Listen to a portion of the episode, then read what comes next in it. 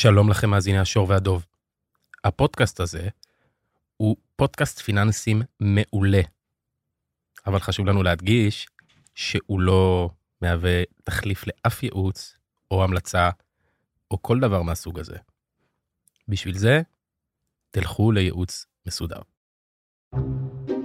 60 שניות בכלכלה, זה לא...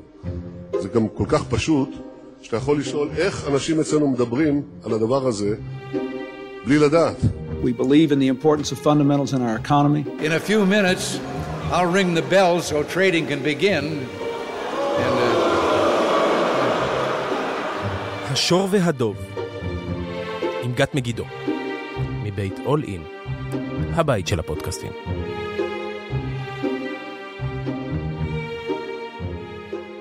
לכולם, אנחנו בפרק מספר 37 של השור והדוב, פודקאסט הפיננסים ושוק ההון, אה, מבית אול אין, הבית של הפודקאסטים. אני גת מגידו, אה, אני היום שותפה מייסדת ומנכ"לית של בית ההשקעות פינסה קפיטל. בעברי הייתי אה, מנהלת ההשקעות הראשית של פסגות, והיום נמצא איתי אורח שמאוד קשור למה שקורה.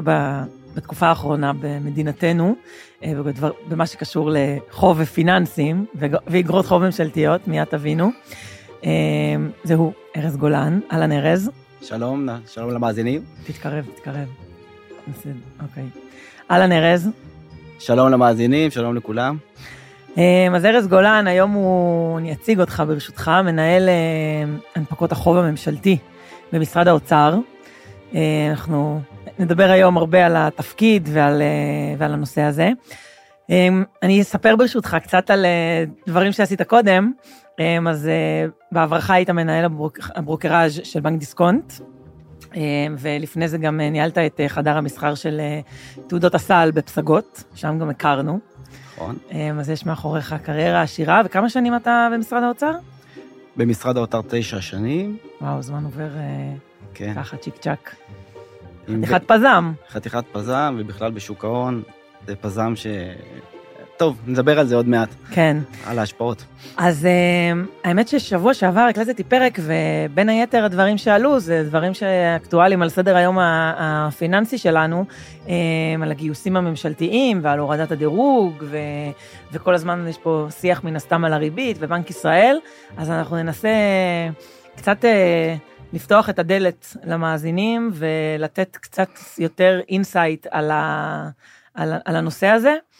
גם על איך אתם במשרד האוצר רואים את זה, אבל בעיקר על ההתמודדות, ומה זה בכלל אומר? בסוף אנחנו, אני, אני אומרת אנחנו בשם, בין אם זה מוסדיים או מנהלי השקעות בישראל, אבל בסוף מאחורי זה עומד גם ציבור.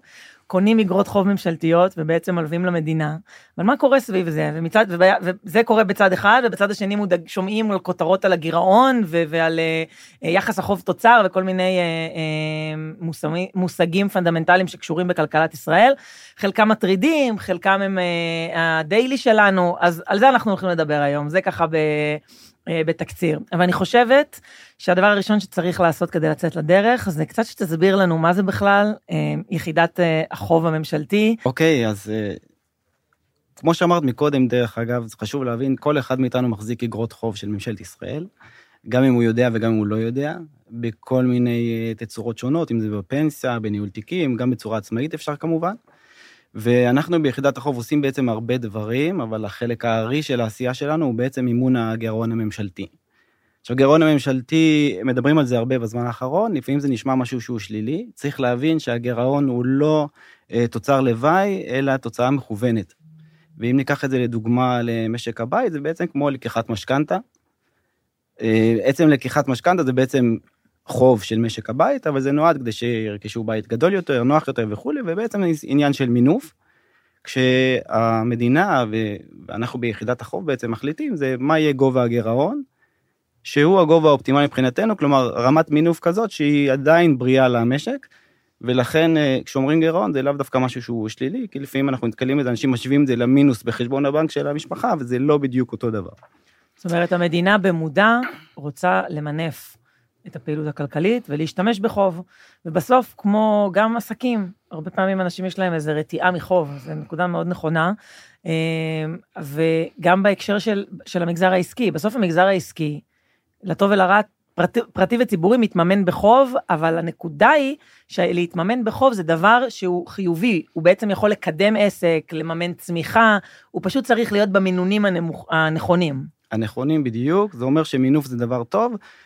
העניין הוא למנף את עצמך ברמה שתוכל להחזיר את החוב. כן. אחרת אתה כבר בבעיה אחרת, ואנחנו כמובן, חלק מהעבודה היא להבין מהי הנקודה הזאת, ולהתכונן אה, ברמת אה, גיוס החוב וכולי, לה- להגיע לאותם אחוזים שאנחנו מגדירים כגירעון אה, בריא. כמובן שהרבה פעמים קורה שהשוק משתנה, אנחנו עכשיו בזמנים האלה רואים את זה בצורה מאוד ברורה, שהדברים לא בדיוק מה שתכננו, ולכן הגירעון יכול להשתנות. אמ, בוא נגיד שאני ב-15 שנים האחרונות חוויתי אה, שלושה משברים של אה, פעם במאה שנה. ככה שאפשר להבין שהדברים מאוד אה, דינמיים, זה לא כמו פעם. בכלל, כל התיאוריה של ברבור שחור, אפשר להגיד שצריך קצת לשנות אותה.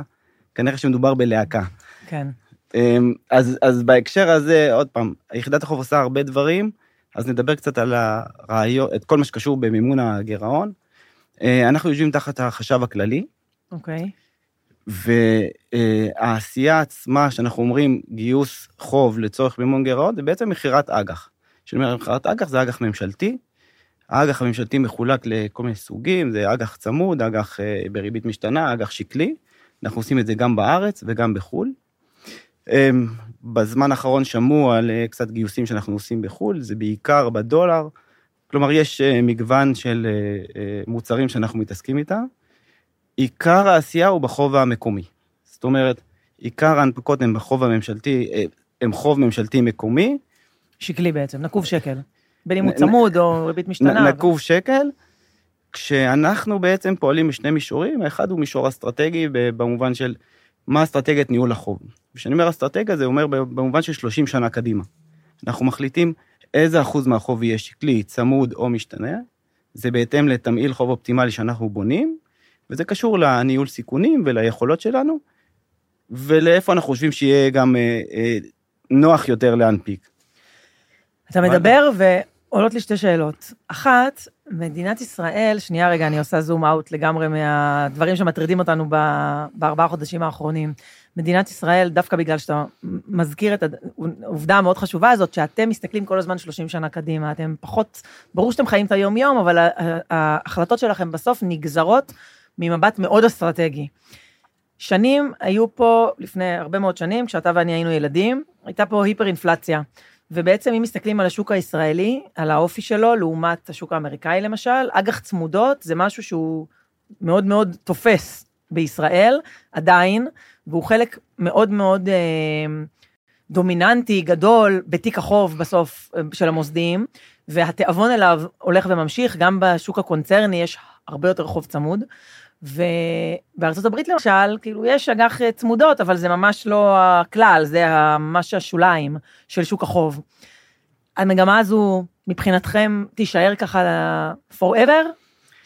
אז קודם כל מה שקורה היום בעולם זה קצת הם גילו את העניין של החוב הצמוד וקצת הולכים יותר לכיוון הזה. שמה שגורם לזה זה בעצם זה שפתאום נהייתה אינפלציה. יפה, כלומר זה משהו שבארץ זה היה מאז המשבר, האינפלציה, היפר אינפלציה שהייתה פה בשנות ה-80 וכולי, זה נורא, כולם רצו צמוד להגן על עצמם וזה היה המוצר היותר מבוקש. אמ, אז כמו שאמרתי, בעולם יותר מגלים את זה, אבל אצלנו, נכון להיום 50% מהחוב הוא צמוד. כשאנחנו אומרים חוב, החוב הוא סדר גודל של 1.1 טריליון שקל. אמ, אבל כשאני אומר אסטרטגיה, אז אנחנו מתכננים להפחית את זה. אחת הסיבות שאנחנו רוצים להפחית את זה, בגלל שקשה יותר לנהל חוב צמוד, מהסיבה הפשוטה שאני לא יודע בסופו של דבר כמה אני אצטרך לשלם. אם, אם, אם נדבר בצורה פשוטה, כן, נתת את ההשוואה של המשכנתה, בסוף אנשים הייתה אינפלציה, פתאום הרכיב הצמוד התנפח, או ריבית פריים, פתאום הריבית פריים התנפח, וכשאתה יודע שאתה מממן משהו בריבית קבועה, שקלית, אתה יודע בדיוק מה, מי הקלה, ואיך, מאיפה זה בדיוק. מתחיל ואיפה זה מסתיים. בדיוק, וודאות היא כמובן דבר חשוב לשווקים בכלל ולנו בפרט, כי הוודאות הזאת גם היכולת שלי להבין איך לנתב את התקציבים. כלומר, אנחנו מתפקידנו לא לנתב תקציבים, כן, אבל כשיש, שאני יודע כמה תשלומים אני צריך לתת בריבית, בהצמדה וכולי, אז אני יודע גם אה, כמה נשאר כסף לשאר הפרמטרים. אז הרעיון הוא לצמצם את הרכיב הצמוד. אה, באופן אה, פסיבי, בגלל שלא מזמן הייתה רפורמה באג"ח מיועדות שהן צמודות, ואנחנו לא ננפיק יותר אג"ח מיועדות, אז באופן אה, פסיבי זה ילך ויקטן, בעיקר החל משנת 2028, אמ, אבל גם באופן שוטף אנחנו מנפיקים, אם נעשה את זה ממעוף הציפור, זה בערך 60 אחוז שקלי ו-30 אחוז צמוד, השאר באיגרת משתנה.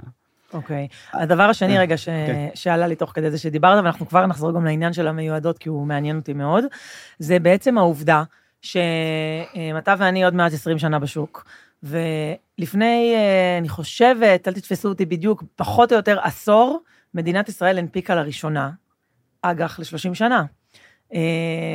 פסט פורוורד, היום זה הסדרות של השלושים שנה, הן סדרות סופר שכירות, זרים, מקומיים, כאילו הדבר הכי, אה, אנחנו אה, בפינס הקפיטל, זה כאילו מבחינתנו הגרעינים, אתה רוצה להעריך מח"מ, אתה פשוט קונה איזה 2-3 אחוז בארוך ומקבל אה, מקבל, מקבל תשואה יותר גבוהה ומח"מ. וזה זה, זה, זה כאילו היום נראה דבר טריוויאלי, אז בסך הכל עשר שנים. זה לא היה כזה.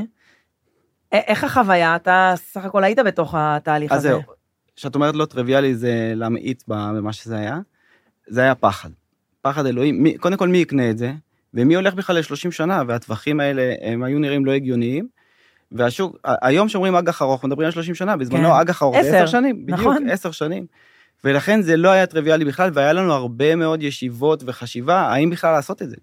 וגם כשעשינו את זה מאוד חששנו, כי אם זה לא מצליח, אז, אז זה נראה לא טוב, וזה כמובן פוגע אה, בנו.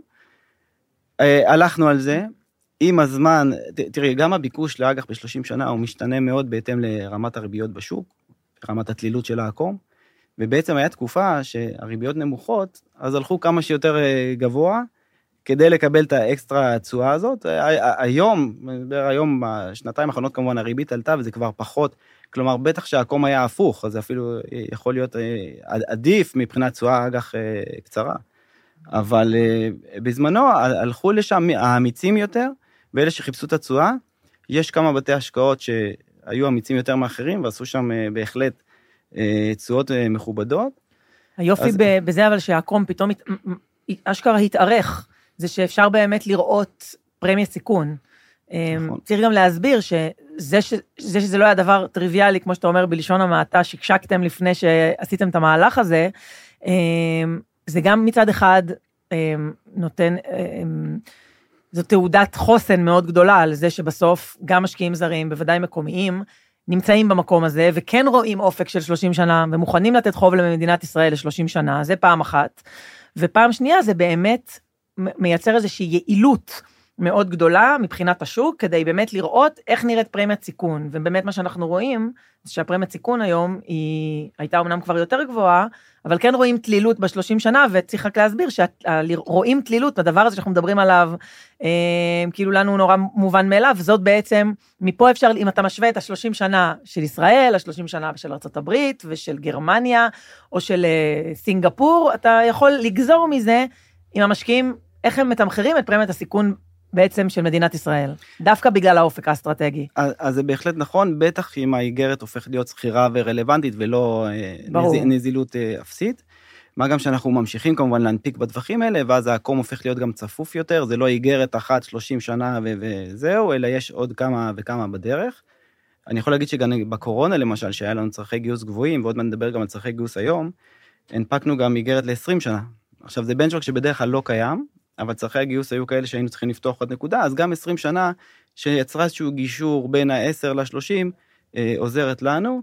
עוד בנקודה הזאת, אנחנו גייסנו גם ל-100 שנה בזמן הקורונה, וזה מסביר את בעצם מה שאמרת מקודם, שאנחנו, זה לא המטרה העיקרית, אבל זה בא ואמר כלפי חוץ, רבותיי, אנחנו פה... פה להישאר. here for stay. כן. וזה, ברגע שההנפקה כזאת מצליחה, זה משדר המון חוסן אה, לשווקים, וזה משפר את היכולת שלנו לגייס כסף, ובטח שבמחירים אה, רלוונטיים. אמ, אני רוצה לחזור רגע, דיברנו על אסטרטגיה, אז יש לנו אסטרטגיה באמת ארוכת טווח של 30 שנה וכולי, אבל בפועל, רוב היום שלי הוא בעצם בטקטיקה. כלומר, ברמה הטקטית גיוס חוב, וזה אומר ברמה היומית. אנחנו ברמה היומית כמובן עוקבים אחרי השווקים בארץ ובעולם, ואם זה צלילות, ואם זה אה, העקומים וציפיות אינפלציה וריבית, ובהתאם לזה אנחנו בעצם בונים אה, תמהיל הנפקות שהוא חודשי, אגב, אני מניח שחלק מהמאזינים מכירים, אבל מי שלא, בכל יום רביעי האחרון בחודש מתפרסם אה, תחזית גיוס החוב השכיר, רושמים בגוגל, פשוט זה מופיע, טבלה ברורה שמסבירה בכל שבוע איזה איגרת מנפיקים ואיזה כמויות. ואני אדבר קצת מה זה אומר מנפיקים ו- ואיזה סוגי הנפקות יש, אבל ברמה הטקטית אנחנו עושים התאמות. זאת אומרת שגם אם אמרתי שאני רוצה להנפיק פחות צמוד, זה לא אומר שהחודש הזה לא הנפקנו הרבה יותר צמוד דווקא. וזה תלוי בהרבה מאוד גורמים, אחד מהם, גורם משמעותי, זה ביקוש. אנחנו תמיד נחפש לפגוש את הביקוש. ברגע שאנחנו פוגשים ביקוש, א', אנחנו מקטינים את הסיכון של אי סגירת הנפקה, מה שבהגדרה זה אומר שביקשנו להנפיק 500 מיליון והגיע ביקוש אה, קטן יותר, שיש לזה השפעה שלילית, אה, לא במובן של גייסנו פחות כסף ממה שרצינו, אלא במובן של מה זה אומר. בטח שמול השווקים בחו"ל, כי בעצם משקיע מחו"ל שרואה כזה דבר, הוא יכול להגיד, אה, אפילו המוסדיים בארץ לא מאמינים שהם יחזירו את הכסף.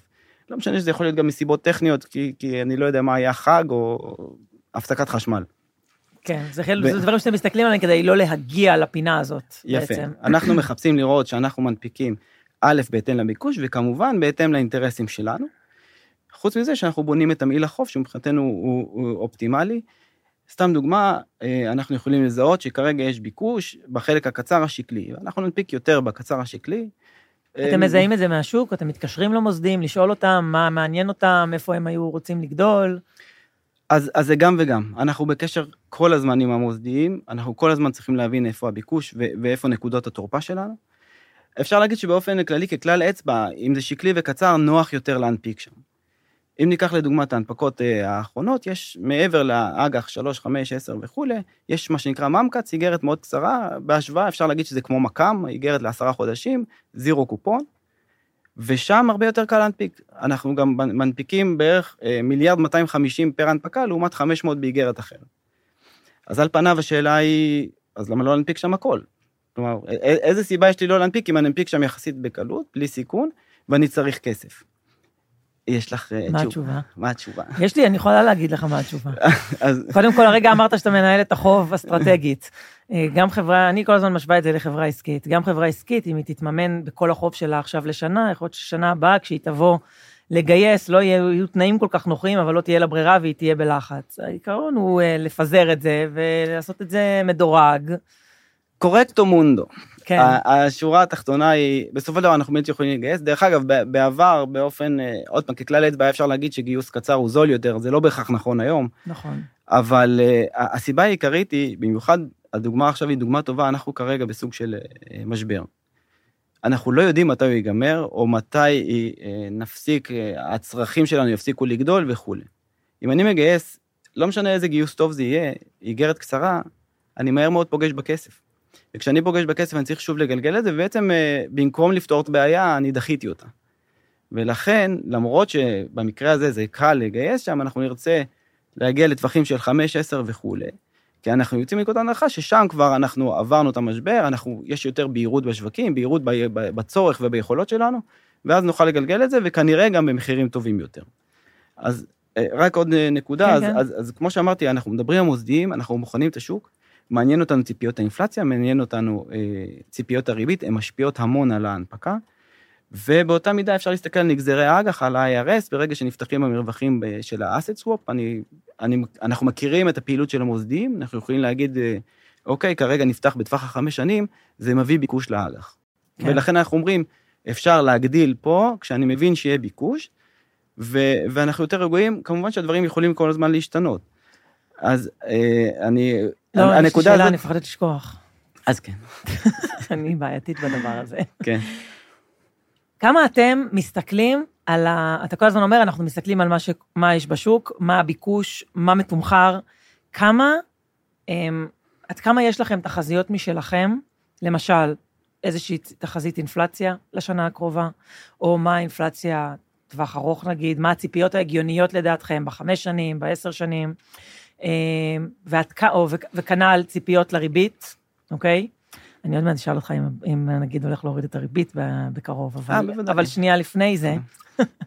אמ, אז עד כמה מצד אחד יש את מה שהשוק מגלם, אוקיי? לעומת מה אתם חושבים על סמך התחזיות הכלכליות שלכם, או תחזיות הכלכליות של כלכלני האוצר, אוקיי? שכנראה יושבים אה, כמה חדרים לידך, ואיפה זה נפגש, אם זה בכלל משפיע, אוקיי? אני אה, רוצה לחדד את הדבר הזה, כי בסוף אתה אומר, אנחנו צריכים לפגוש ביקוש. אם עכשיו, ככלל, רגע, ממעוף הציפור, מה שאפשר ללמוד מהשוק, שהמוסדיים סתם העלו מאוד את ציפיות האינפלציה, כי הם רואים פה שכולם משתינים מהמקפצה, סליחה, ומעלים אה, מחירים ללא היכר, אז הציפיות עולות.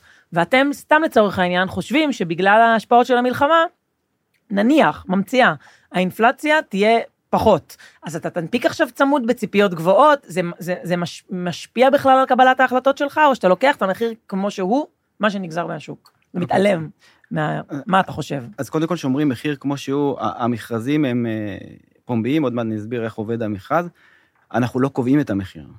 ברור, ברור, אבל... ובזמן הנפקה, אנחנו יכולים להעריך מה יהיה המחיר, אבל אנחנו כמובן לא יודעים מהו. אני אבל... מתכוונת, האם לא תנפיק במקום מסוים, כי הוא לדעתך לא מתומחר נכון. אז בהקשר... הנה, שאלתי את זה קצר. אז, אז התשובה הקצרה היא, אנחנו לא חברת ניהול תיקים. אנחנו לא מחפשים להרוויח כסף. מה גם שאם אני מרוויח כסף זה על חשבון הציבור.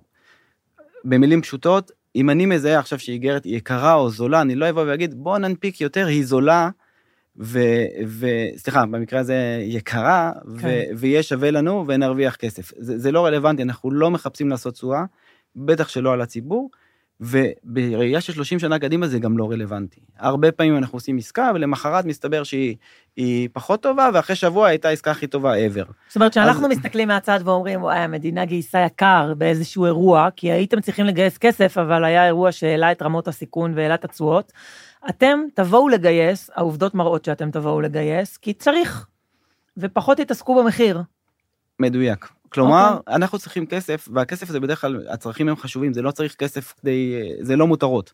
אנחנו צריכים את הכסף ולכן אנחנו נגייס את הכסף. לא סתם הגדלנו עכשיו את ההנפקות בצורה אה, דרמטית. ו, וכן, הנה, עכשיו זה, זה דוגמה טובה, הנפקנו, אנחנו מנפיקים יותר, ומבחינתנו זה מחירים פחות טובים, כי התשואות גבוהות יותר. אז מה, אז נגיד לא, לא, בוא נחכה אחרי המלחמה, נגייס במחיר יותר טוב, זה, זה לא רלוונטי, כי צריך את הכסף והוא משמש את, ה, אה, את הפעילות השוטפת של המדינה. ושוב, בראייה של 30 שנה קדימה זה גם לא, אין לזה שום משמעות. אבל, אה, אני מיד אגע בסוגי מכרזים ונראה איפה אנחנו כן לוקחים בחשבון את המחירים האלה ואיפה אנחנו מתייחסים לזה ברמת ההנפקה. עכשיו, אני אחזור רגע למה שרציתי להגיד, אבל כן. ש... אני כבר לא זוכר מהו. אה, אוקיי, לא נורא, זה יבוא לך. אנחנו, יש לנו חוב לדבר רגע על האג"ח המיועדות, אוקיי? אמ, הייתה בעצם רפורמה, יש רפורמה באג"ח המיועדות, רק למי שלא מכיר, אג"ח מיועדות זה בעצם אגרות חוב שהמדינה אה, מנפיקה לקרנות הפנסיה. אה, זה 4.9 צמוד, נכון? היה. 3.86. 3.86. 4.86, סליחה. 4.86, כן. אני הייתי, בוא, אני בתור אה, מנהלת פנסיה לשעבר. 4.86 צמוד, צמוד, תשואה פנומנלית. בדיוק, כן. אנחנו כולנו יכולים לקחת את כל הכסף שלנו ולהגיד את זה אנחנו רוצים, וללכת לישון, ולא צריך אנליזות ולא צריך כלום, היה פגז. תקופות שאנשים אמרו, מה זה התשואה הנמוכה הזאת? עזוב אותי, תפתור אותי מזה, הם יצטערו על זה כמובן.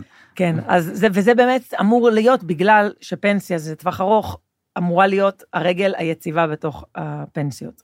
ובעצם באה בא המדינה ואמרה, אוקיי, אנחנו סיימנו עם הסיפור הזה, ועשו רפורמה, אה, שבעצם תגרום לזה שבשנים, עשור, אולי אפילו יותר, לא יודעת איפה כמה האיגרת האחרונה, מתי היא כן. נבדית, אבל למשך תקופת שנים קדימה, בעצם כסף שייפדה, שהיום יושב בקרנות הפנסיה כאג"ח מיועדות, ייפדה, כל פעם שזה ייפדה, במקום שהמדינה תביא סדרה חדשה שמבטיחה תשואה, אם לא אמרנו את המילה מבטיחה, זו תשואה מובטחת, 4.86 צמוד מובטח על ידי מדינת ישראל, לא יהיה את זה יותר, ועכשיו בעצם אמרו למוסדיים, אתם עכשיו, כמו שאתם מנהלים את שאר התיק, תנהלו גם את זה, נכון. לכו להשיג את התשואה הזאת, ויש איזושהי רשת ביטחון, אם אתה רוצה לדייק אותי, אתה מוזמן. נכון. אמ, כלומר, עדיין האזרח הפשוט עדיין יקבל את התשואה, אפילו גבוהה יותר ממה שהוא קיבל קודם, רק שזה לא דרך האג"ח. נכון, זה לא יהיה במימון המדינה. צריך ללכת להשקיע את הכסף. יפה. עכשיו, בוא נתחיל מזה, מה היה בעייתי בכלל באגרות המיועדות? עכשיו נזכרתי מה רציתי, אני אוקיי. אדבר עוד מעט על הזרים והכניסה שלהם. נרשום, הנה אני רושמת, זרים. אוקיי, אז אה, האג"ח המיועדות, לא היה לי say בעניין. אם היום דיברנו על אסטרטגיה ועל טקטיקה, ואני פה או שם וכולי, אג"ח מיועדות, היה נבחן תיק המוסדי, 30 אחוז, מגיע לך אג"ח מיועדות. לי אין מה להגיד בנושא, מונפק לך כשתי מיליארד בחודש, בבקשה. כן. זאת אומרת שברמת הניהול החוב, הרי אנחנו מנהלים, אנחנו יודעים כמה צריך לגייס, ואנחנו מתכננים את התוכנית שאומרת ננפיק בשבוע הזה כך וכך וחודש וכולי. לא, לא היה לנו בעצם אי ודאות לגבי כמה כסף יגיע. לא רק זה, זה גם היה אנטי מחזורי. זאת אומרת שה, שהשווקים אה, אה, חיוביים והתוצר גדל ויש ביזנס, השווקים עולים, אני צריך להנפיק יותר מיועדות, ובדרך כלל בשלב הזה אני גם צריך פחות אה, אה, לממן את הגירעון. וההפך, כלומר, אה, יש קריסה, השווקים יורדים, אה, זה, זה מאוד בלט גם בקורונה, פתאום אני צריך הרבה כסף, ודווקא אז המיועדות הן לא רלוונטיות. אז עצם העובדה שאי הוודאות הזאת ירדה מהפרק, עוזר לנו מאוד אה, לנהל את החוב. חוץ מזה, אה, היום, אם אני צריך את אותו גיוס, אני עושה את זה דרך האג"ח הממשלתי. היום זה לא חוכמה, כי אנחנו מנפיקים בכמויות מאוד גדולות ונורא קל לי. אבל היה תקופות, למשל, אחרי הקורונה, שהיה פתאום אה, צמיחה מאוד גבוהה, ולא היינו צריכים לגייס, ובעצם הגירעון הוא אפילו לא היה גירעון, הוא היה בפלוס. אז לא היינו צריכים לגייס, ואז היה קשה לנו לתמוך אה, בשוק המקומי. כשאני אומר לתמוך, אה, כל מי שמתעסק קצת בשוק יודע שברגע שמנפיקים אג"ח, זה מוסיף לו אה, נזילות, זה מוסיף שכירות, זה בעצם מהיר קצת את השוק ומאפשר למי שרוצה להיכנס או לצאת מפוזיציה. ומה שקרה, אה, ברגע שהכסף הזה עבר להנפקות, אני יכול להשתמש בו ובעצם לגייס בשוק ולהוסיף את ה... להוסיף עוד בעצם... עוד תנועה. מסחר. עוד תנועה, עוד מסחר. יפה, עוד תנועה ומסחר. עוד פעם, בימים של היום זה דווקא פחות נוח, כי אני גם ככה מנפיק סכומים גבוהים. כן. אבל הייתה תקופה שהיינו צמאים למספר הזה, לכמויות האלה. אה, שהם, שרק שכולם יבינו, שפשוט במקום שהם אוטומטית ילכו לתיק הפנסיה בלי, בלי מכרז, הם, זה אותו כסף שהמדינה מגייסת, הוא נכון. פשוט מגויס כאילו לשוק החופשי. בדיוק. ואז הוא מייצר אה, שוק חופשי. ואז אני גם מחליט אם אג"ח מיועדות היו אה, בטווח קבוע, בתשואה קבועה, אני מחליט אם אני עושה את זה עם שקלי צמוד, משתנה, ובאיזה טווחים, כלומר נוח לי לנהל את התמהיל גם ברמה האסטרטגית. אז, אז זה הביא הרבה... זה גם חוסך כסף למדינה, לא? להוריד את האג"ח המיועדות. ברמת המדינה לאו דווקא, כי אנחנו מבטיחים תשואה גבוהה יותר. אבל אה, עשינו מבחינה סטטיסטית... אבל המוסדי אמור לנסות להשיג... אה, יפה. מבחינה סטטיסטית, הרעיון הוא ש... כלומר, זה ייתכן מצב שלא נצטרך להתערב כמדינה, כי הוא יעשה את התשואה אה, מעבר. אבל אנחנו כמובן מתכוננים לזה ויש קופה ייעודית לזה ובמידה ונצטרך לשלם את הכסף הוא כמובן אה, קיים. את אותה רשת ביטחון. את אותה רשת ביטחון אבל אנחנו, אנחנו מבטיחים אותה כלומר לא בהכרח יממשו את האופציה הזאת ולכן יכול להיות שגם נחסוך כסף במובן שלא נצטרך לעשות אבל את המש... זה. אבל החוסך בקרן הפנסיה לא נפגע. לא רק שהוא לא נפגע, הוא מקבל יותר. בדיוק. הוא מקבל מצד... הבטחת התשואה היא על תשואה גבוהה יותר. יכול להיות שהיא תושג בלי שהמדינה תכניס יד לכיס, אבל ההחלפה באירוע הזה היא של תשואה גבוהה יותר. בדיוק, הוא מקבל עוד אקסטרה, עוד 0.3 אחוז ממה שהוא קיבל בעבר, וההבטחה היא עדיין הבטחה, זה עדיין המדינה. אוקיי, okay, עכשיו, יש לי שאלה. בצד של, של היצירת, של היצע הכסף, בעצם, עם המוסדיים, במקום לקבל על הכסף הזה אג"ח מהמדינה, הם עכשיו צריכים ללכת להשקיע אותו, כמו שהם עושים על שאר התיק, יש לומר, ויש נכון. איזושהי פונקציית מטרה שהם צריכים להגיע אליה. ו... 4.9 או 5.2 צמוד זה ממש לא מספר שהוא כזה קל להשגה. היום הריביות יותר גבוהות אז זה נראה כמו משהו שהוא אפשרי אבל כן. ברגע שהריביות ירדו אנחנו נכון. גם אם לא נחזור לריביות אפס אנחנו, זה עדיין מספר שהוא מאתגר להשגה לאורך שנים צריך חשיפת מניות יחסית גבוהה בשביל להגיע לזה רב שנתי. האם יש, אמ, אני, אני מזהה תופעה של אה, בעצם הכסף הזה, זה שוב, אנחנו רק בהתחלה של האירוע, אבל המשמעות של זה זה שבעצם כשנבדה, כשנבדה, אה, סדרה של אג"ח מיועדות, המוסדים עכשיו קיבלו שקלים, והם צריכים ללכת, בשונה מבעבר, להשקיע גם את השקלים האלה בשוק שכיר, הלא שכיר, בישראל, בחו"ל, לפי התמהיל שהם יבחרו.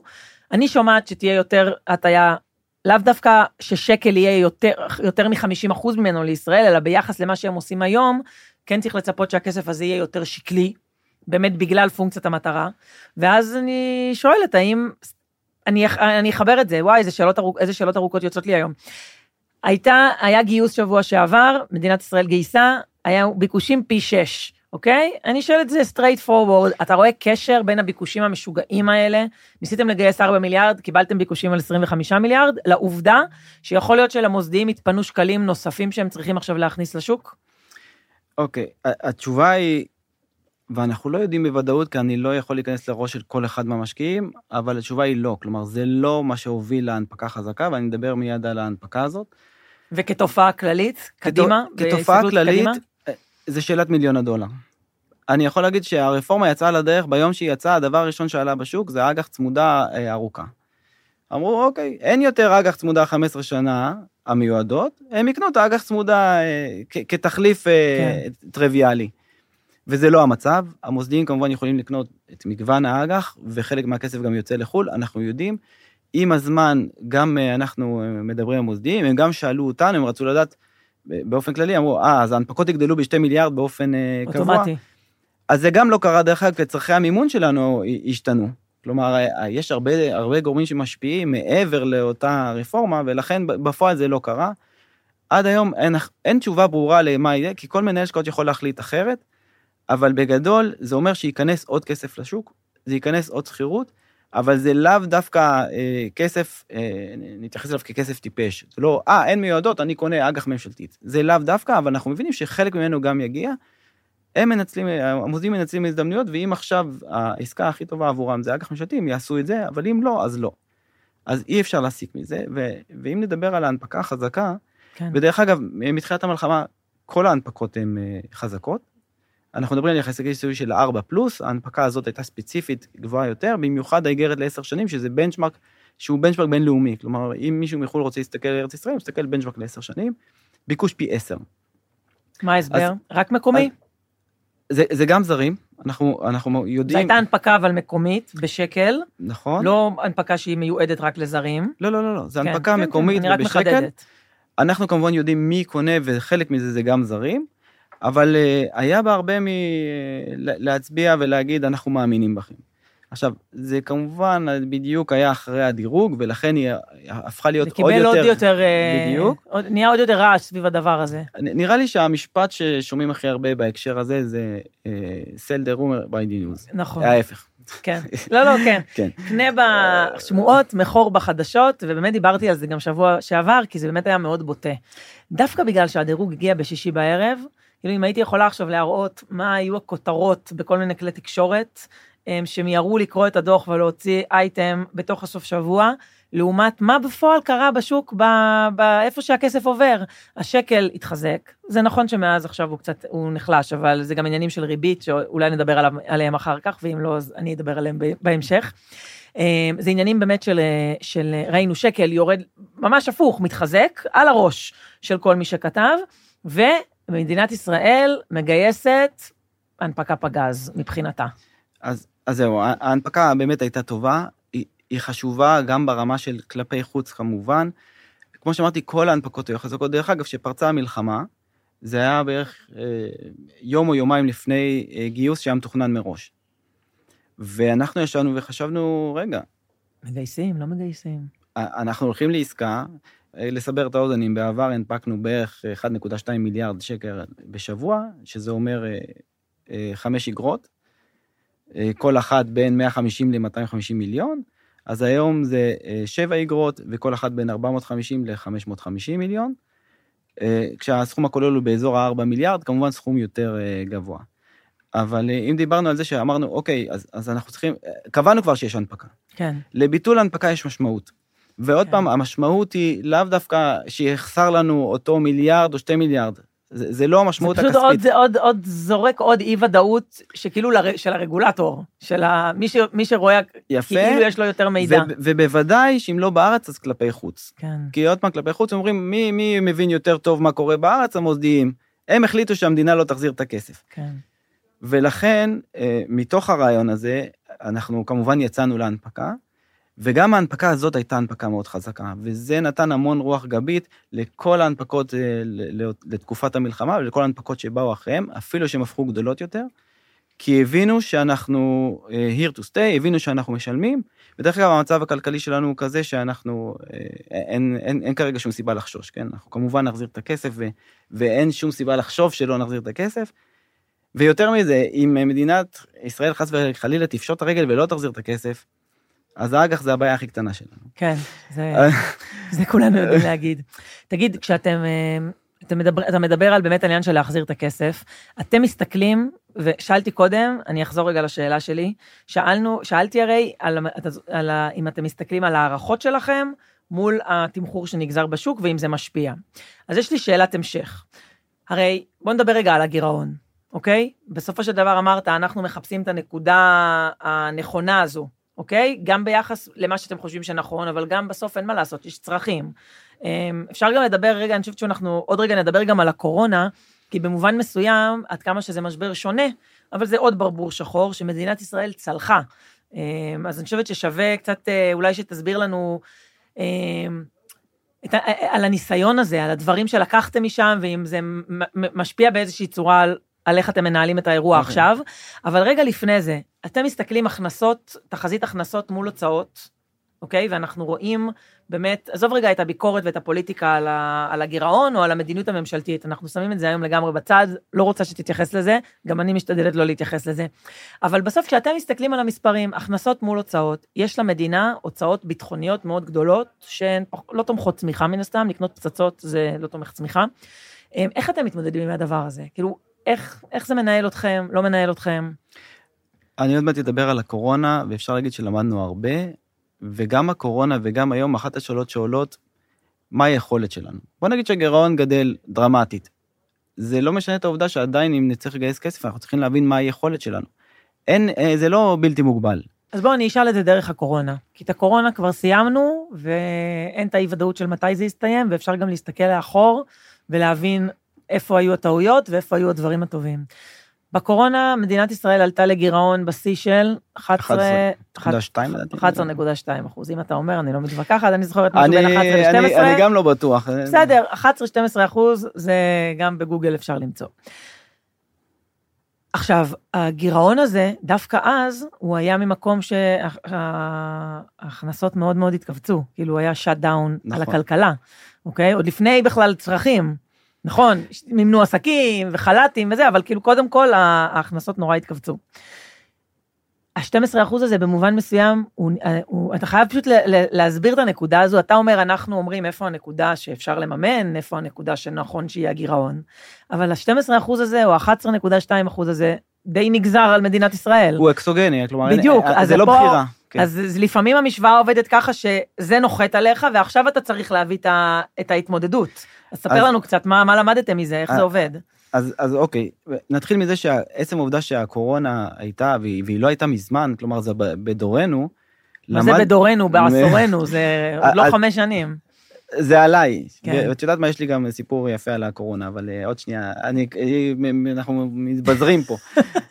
אז uh, הקורונה, uh, בסופו של דבר זה היה 11, אבל צריך להבין שבפועל דיברנו גם על 14.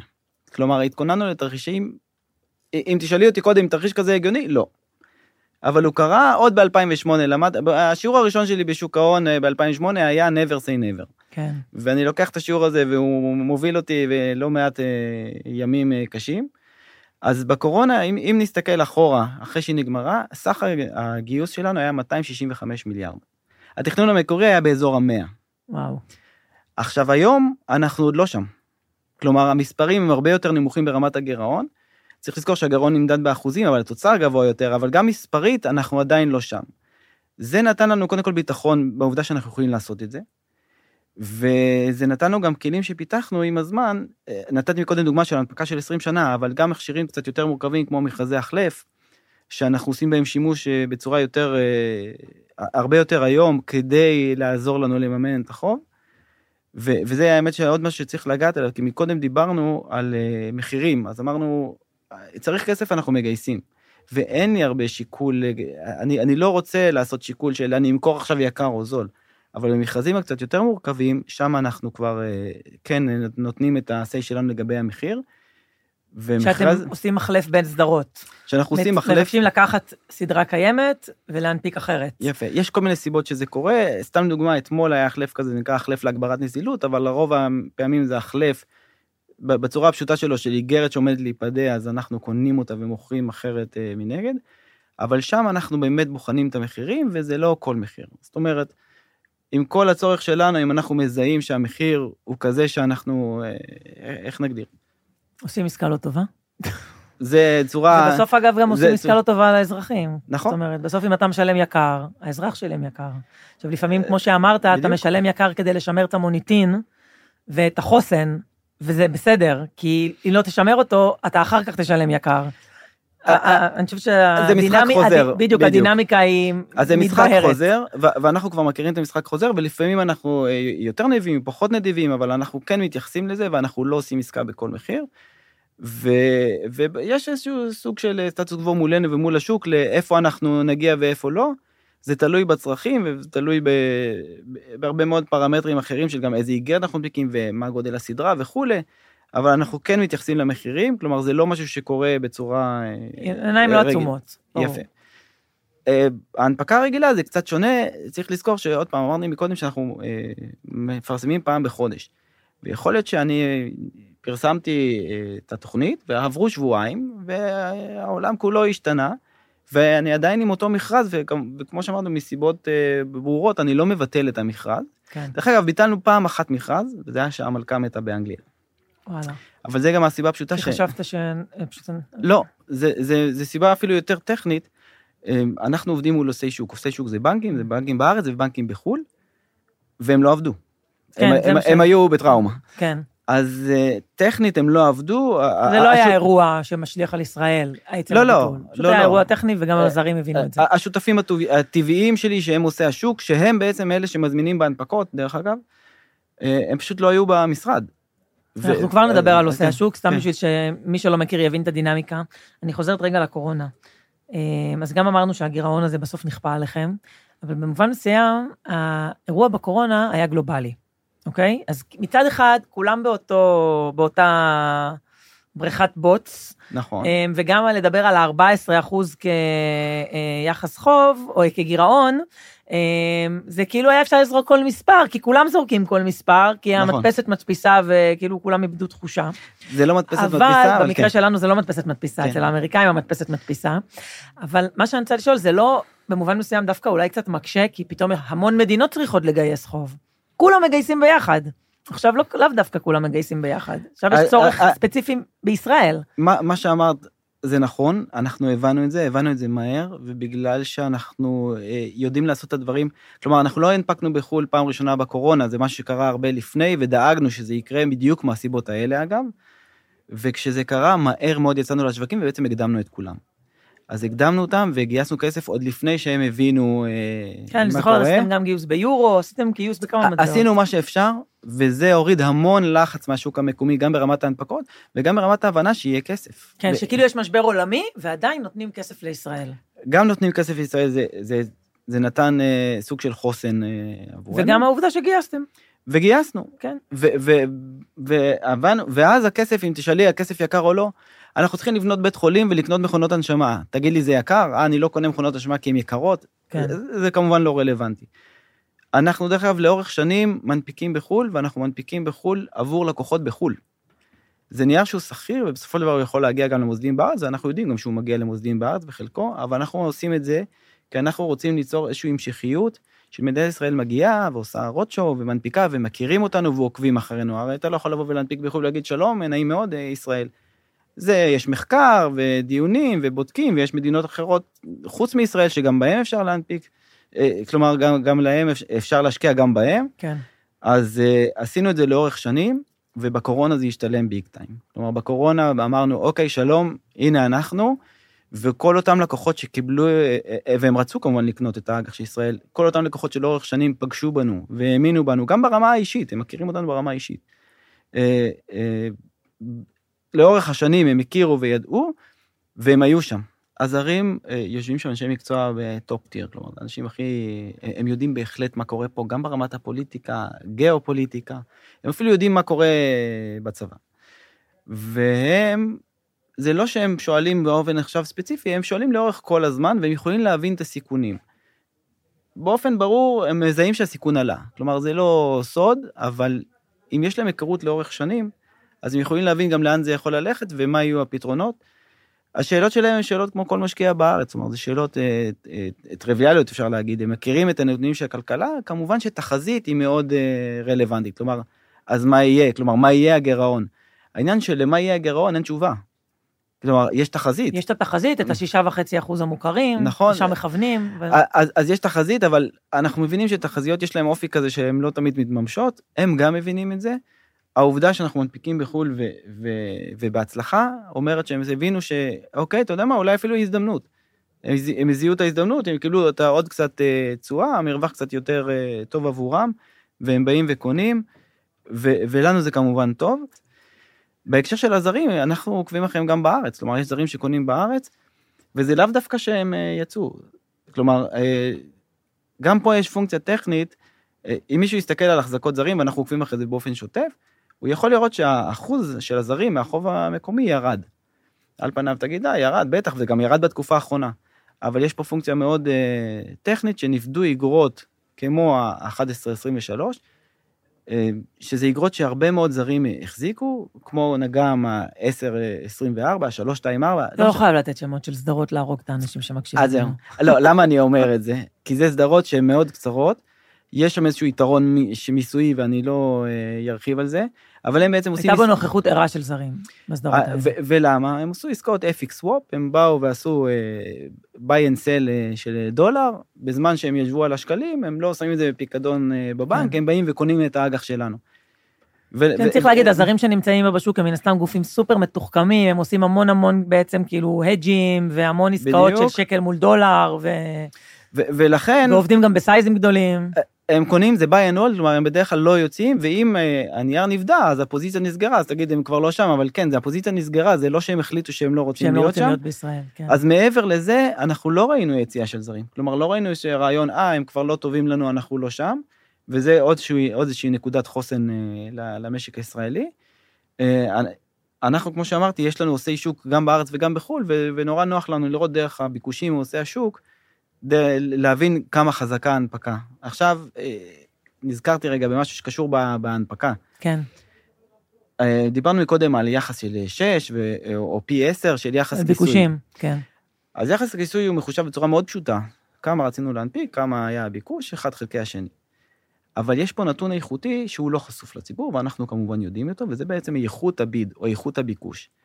כי על פניו, אין, אין עלות להגיש ביקוש מול האוצר, זה, זה קורה במערכת הבלומברג דרך עושי שוק. על פניו אני יכול להזרים אה, כמה מיליארדים. ולא- אה. ולא לקבל. כאילו במחיר, אה, off market, כן, במחיר מחוץ לשוק. יפה. ולכן, אז, אז יהיה יחס כיסוי של 10, אוקיי. אבל אבל בריבית כל- שלא הייתם לוקחים. אה, זה בעצם העניין. זה לא רק, זה לא שלא הייתי לוקח, כי במכרז אני מחויב באיזשהו cut off כן לתת, אבל זה מחיר שהוא הוא לא, הוא לא רציונלי, הוא לא, הם, הם, הם הבינו בעצמם שהם לא יקבלו אותו. כן. זה קצת מזכיר, מי שמכיר הנפקות מקם, שאתה בא עם אה, סייז גדול כדי לקבל אה, הקצאה חלקית יותר גדולה וכולי, אבל כן. זה סיפור קצת אחר. שאלה אישית. אתה, כמה מלחיץ להיות בתפקיד הזה ברגעים הלחוצים? זאת אומרת, גם הצוות שסביבך, איך זה עובד? איך, כאילו, כמה קורונה, מלחמה, אמ, אני אגדיר את זה. וואו. טוב, את יודעת מה? עזבי, בואי נספר סיפור. יאללה, קצר. סיום סיפור. לסיום סיפור ב- כן. בקורונה. הימים הם ימי הקורונה, אני מדבר על הימים הראשונים. היום זה נשמע מוזר, אבל אני מדבר על הימים שהלכנו עם אה, כפפות ומסכה לסופר. כן. יש נגיף מטורף, הילדים כולם בבית, קונים נייר טואלט. כן, ושאר דברים אה, מוזרים, כל מיני תרסיסים כאלה עם, עם ציורים של נגיפים. ה- הילדים בבית, גם אנחנו חלק מהזמן מה- עובדים מהבית, בזמן הנפקות לא עבדנו מהבית, כי כשאתה עושה עסקה של כמה מיליארדים, כדאי שתהיה אה, מפוקס. עדיף שתהיה מפוקס, ימשוך לך הילד בחולצה. יפה. אבל אה, אני אומר, היה לחץ גם ברמה המשפחתית וגם ברמה המקצועית, ואנחנו זוכרים את הימים הזום, זה לא מתחבר, לא שומעים אותי, לא רואים אותי וכולי וכולי. בקיצר, היה, אני כאיש אה, משפחה, אב לילדים, אה, יש המון לחץ, פאניקה, אני עצמי לא מבין מה הנגיף הזה הולך לעשות לי, ואני בעבודה. כשבעבודה, הרעיון היה כמה כסף אפשר להביא. וכל יום זה הלך ועלה, ולא הבנו כמה בתי חולים צריך לבנות, אוקיי? כלומר, זה לא ברמה הזאת, אנחנו לא בוחרים לאן ילך הכסף כמובן, אבל היה הרבה מאוד דברים שלא הבנו כמה יעלה, ואם יהיה חיסון וכמה יעלה לעשות חיסון וכולי. המון לחץ, מפה לשם אני יושב במשרד. אה, מי שלא יודע, אנחנו יושבים בחדר הנפקות, זה בעצם נראה כמו חדר מסחר אה, של אה, כל בנק. הרבה שולחנות, הרבה מחשבים, הרבה מסכים. בדיוק, זו ההגדרה המדויקת. אז אני יושב, וכרגיל, וכל הזמן מהדהדת לי בראש שאלה, כמה אפשר? אפשר עוד? אפשר עוד? כמה... מה יקרה לשוק? ההנפקה תיפול וכולי, ואני מתחיל להרגיש לחץ בחזה. וואי לי. עכשיו, אנחנו יושבים במשרדים של חברה של הביטוח הממשלתית שנקראת אה, ענבל, שם יושבים גם הסיכונים הרפואיים של המדינה. אני מתקשר למנהלת המחלקה ואני אומר לה, תשמעי, בלי לחץ, אה, זה ארז, יש לי לחץ בחזה. עכשיו, הסיטואציה המוכרת, כלומר, מבינים, אנחנו יודעים באיזה עולם אנחנו חיים, היא חיה באותו עולם. היא אומרת לי, יש מישהו לידך? אמרתי לה, כן. נתתי לה את אחד העובדים, והיא אומרת לו ככה, אתה לא זז ממנו למטר. היא פותחת בריצה לכיוון שלי, תוך כדי היא מזמינה אמבולנס. מפה לשם, אני מפונה באמבולנס אה, לבית חולים אה, תל השומר, עם סירנות והכל, סביבי האסטרונאוטים, אה, עוד פעם, מי שלא זוכר היה, כולם היו בחליפות ניילון כאלה, חליפות. ופשוט לוקחים אותי מהמשרד, לוקחים אותי מהמשרד באמבולנס. אני, אני אגיע לסוף הסיפור, זה כנראה התקף חרדה ולא התקף לב, אבל בוא נגיד שהיה ברור מבחינת הגיל וכולי, שזה, שזה משהו שיכול לקרות. קטע מצחיק שהיינו שם, עוד פעם, אני בבית חולים, הבית חולים ריק דרך אגב, כי, כי אף אחד לא רוצה להגיע ולחטוף את הנגיף, כולם אסטרונאוטים, למעט, פתאום אה, כולם מתחילים לצעוק, מה אתה עושה, מה אתה עושה, אני רואה שתימני מבוגר, מסתובב, בלי מסכה, בלי כלום, נוגע בכל הדלתות, מסתובב בבית חולים, והם צועקים לו, מה אתה עושה פה, זה, אתה בבידוד, אסור לך לצאת מהבידוד.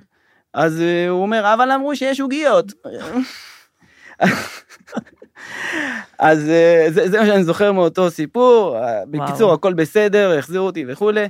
בוא נגיד ככה, התקף חרדה, אם יש משהו שיכול לגרום להתקף חרדה, זה בדיוק ה... אה, הדבר הזה. בדיוק הדבר הזה, הסביבה הזאת, והלחץ שהיה עליי, וכמובן על הקולגות שלי של צריך להביא כסף, כמה אפשר, וכמובן... כאילו כמה יושב על הכתפיים. אז זהו. בסוף יש אנשים שעושים את העבודה הזאת. אז, אז, אז התשובה היא לחוץ. שאלת שאלה, כן, התשובה היא לחוץ. זה לחוץ. כן, וואו, אני יכולה כן. להזדהות. אכן. וואו, ארז. וואו, כן. אה, נראה לי שעברה שעה. שעה שלמה, נתת וואו. נתת עבודה פה, חבל על הזמן. ממש תודה שבאת, היה מעניין כן. מאוד. היה אפילו אה, מסקרן לשבת באולפן ככה, לדבר, לראות איך זה עובד. עולם הזוהר. עולם הזוהר לגמרי. אנחנו נסיים, תודה רבה שבאת, אה, ובהצלחה בהמשך הגיוסים ובמימון החוב הממשלתי, אנחנו איתך ומאחוריך. אה, וחברים וחברות, תודה שהאזנתם לנו, ואנחנו אה, נשתמע בשבוע הבא. אני הייתי גת מגידו, צ'או.